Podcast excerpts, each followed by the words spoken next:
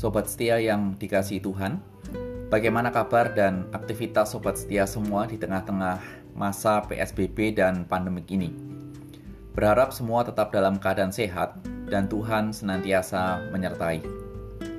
Sekali lagi saya mengajak kita semua untuk bersatu dalam doa, khususnya bagi tenaga kesehatan yang menjadi garda terdepan dalam menangani COVID-19. Kita juga berdoa untuk proses pembelajaran yang berlangsung untuk setiap mahasiswa dan pelajar yang mengikuti semuanya secara online. Kiranya mereka tetap bersemangat dan mereka tetap boleh belajar dengan baik.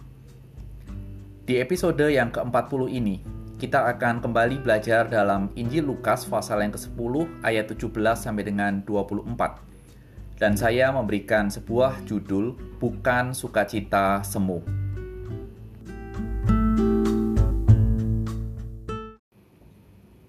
Kemudian ke-70 murid itu kembali dengan gembira dan berkata, Tuhan juga setan-setan takluk kepada kami demi namamu. Lalu kata Yesus kepada mereka, Aku melihat iblis jatuh seperti kilat dari langit. Sesungguhnya aku telah memberikan kuasa kepada kamu untuk menginjak ular dan kalajengking dan kuasa untuk menahan kekuatan musuh, sehingga tidak ada yang akan membahayakan kamu. Namun demikian, janganlah bersukacita karena roh-roh itu takluk kepadamu tetapi bersukacitalah karena namamu ada terdaftar di surga. Pada waktu itu juga bergembiralah Yesus dalam roh dan berkata, Aku bersyukur kepadamu, Bapa Tuhan langit dan bumi, karena semuanya itu engkau sembunyikan bagi orang bijak dan orang pandai, tetapi engkau menyatakan kepada orang kecil. Ya Bapa, itulah yang berkenan kepadamu. Semuanya telah diserahkan kepadaku oleh Bapakku, dan tidak ada seorang pun yang tahu siapakah anak selain Bapa, dan siapakah Bapa selain anak, dan orang yang kepadanya anak itu berkenan menyatakan hal itu. Sesudah itu berpaling, berpalinglah Yesus kepada murid-muridnya sendiri dan berkata, Berbahagialah mata yang melihat apa yang kamu lihat, karena aku berkata kepadamu, banyak nabi dan raja ingin melihat apa yang kamu lihat, tetapi tidak melihatnya, dan ingin mendengar apa yang kamu dengar, tetapi tidak mendengarnya.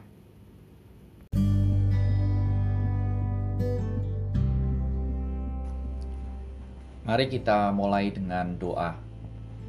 Tuhan Yesus, biarlah kebenaran firman-Mu membawa kami menikmati hidup di dalam-Mu. Demi Yesus, amin. Sobat setia, dalam beberapa cerita kehidupan seseorang yang pernah saya baca, mengkisahkan bahwa hidup itu bisa berproses dari nothing to something. Dan itu menjadi sesuatu yang wow dan membuka mata serta motivasi untuk orang lain sehingga banyak yang meniru supaya menjadi something. Dan banyak orang juga meyakini bahwa menjadi something itu paling tidak akan membawa kepada suatu kebahagiaan atau kegembiraan atau senyuman. Bila dalam Injil Lukas memakai sebuah kata sukacita. Namun kita perlu melihat juga sebuah realita bahwa benarkah menjadi something itu akan membawa kepada suatu sukacita yang sejati atau bukan sesuatu yang semu, yang sementara. Ini perlu menjadi sebuah pemikiran dan perenungan kita hari ini. Cerita yang kita baca dalam Injil Lukas kembali menceritakan bahwa murid-murid itu dari nothing dan sekarang ini setelah selesai menjalankan misi Tuhan, mereka melaporkan bahwa mereka berhasil mengusir setan demi nama Tuhan. Ada something yang telah mereka kerjakan. Dan yang mereka kerjakan itu adalah sesuatu yang bahasa saya, wow, hebat sekali. Dan dari kalimat murid-murid itu seakan-akan mereka berkata, wow, lihat, yang kami kerjakan dalam nama Tuhan sangat luar biasa. Dan kalau kita memperhatikan cerita ini lebih lanjut, Tuhan juga memang menegaskan bahwa iblis dikalahkan. Dibutuhkan kekalahan iblis untuk menyelamatkan umat manusia dari kebinasaan. Ini yang disampaikan oleh Tuhan dengan mengatakan iblis jatuh seperti kilat dari langit.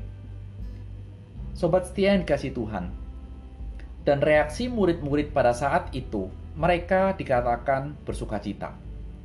Bayangkan dalam sebuah level yang seperti itu, sukacitanya seperti apa?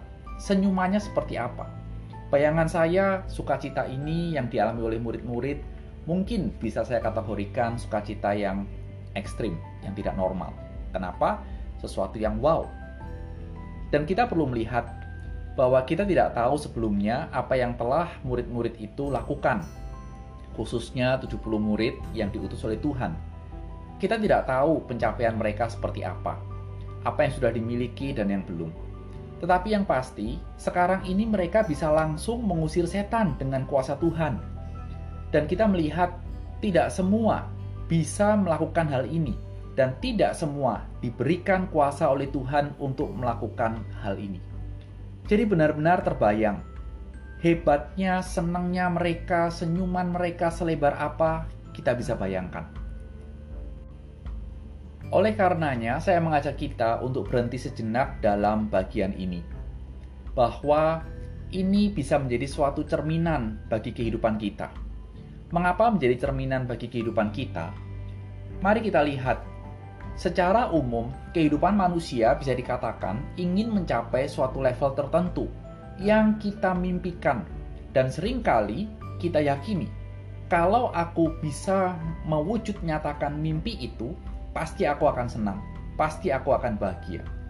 Dan oleh karenanya, dengan konsep seperti itu, banyak orang yang menjalani hidup dengan mengejar mimpinya supaya menjadi something dan bisa senang atau bahagia, karena tidak ada orang yang mau menderita. Namun, benarkah ketika hidup seperti itu bisa menjadi sebuah sukacita yang sejati dalam hidup kita? Benarkah ketika mimpi itu menjadi sebuah realita, itu benar-benar mendatangkan suatu sukacita yang terus-menerus dalam hidup kita. Tuhan Yesus selanjutnya memberikan suatu pengajaran tentang sukacita yang sejati. Suatu sukacita yang sejati itu dikatakan bukan karena kita berhasil meraih sesuatu yang kita mimpikan atau kita kejar. Sukacita sejati itu bukan karena kita bisa doing something great atau yang incredible, namun sukacita sejati yang Tuhan tekankan di sini adalah ketika nama kita tercatat dalam kerajaan surga. Perhatikan ayat yang ke-20, di mana Tuhan mengatakan, kira-kira jangan bersukacita tentang apa yang telah engkau lakukan, tetapi bersukacitalah karena namamu tercatat dalam kerajaan surga.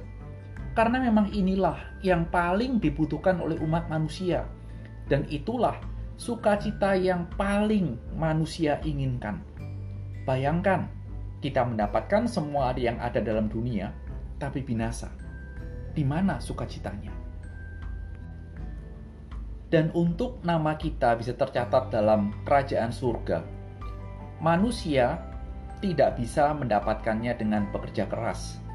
Manusia tidak bisa mendapatkannya dengan melakukan apa yang baik atau membayar dengan sejumlah harta. Tetapi nama itu tercatat di dalam kerajaan surga, semata-mata adalah anugerah Allah dalam Kristus. Sehingga Tuhan mengatakan pada murid-muridnya pada saat itu, kalau engkau paham terhadap apa yang engkau dengar, apa yang engkau lihat sekarang, pasti engkau akan bahagia. Karena apa? Karena yang mereka lihat adalah anak Allah yang nantinya akan menebus dosa umat manusia, membebaskan umat manusia dari hukuman kekal, supaya nama mereka tercatat dalam kerajaan surga. Sobat setia yang dikasih Tuhan, kita memang tidak bisa melihat Yesus secara kasat mata. Namun kita bisa melihat dengan mata iman kita bahwa Kristus telah mati di kayu salib untuk memberikan sukacita yang sejati dalam hidup kita. Supaya apa? Supaya ketika kita berjalan dalam dunia ini bak pengembara, kita tahu, kita sadar, menempatkan rasa sukacita itu bukanlah terdapat kepada something yang kita raih atau yang kita miliki. Karena semuanya itu adalah semu. Tapi menempatkannya semua dalam Kristus karena di situlah ada jaminan kekal dalam hidup kita.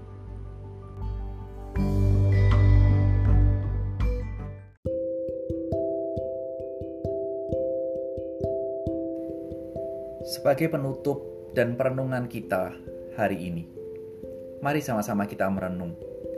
di manakah selama ini kita menempatkan rasa sukacita itu dalam hidup kita. Selamat menemukan dan menikmati sukacita sejati dalam Kristus Tuhan. Amin.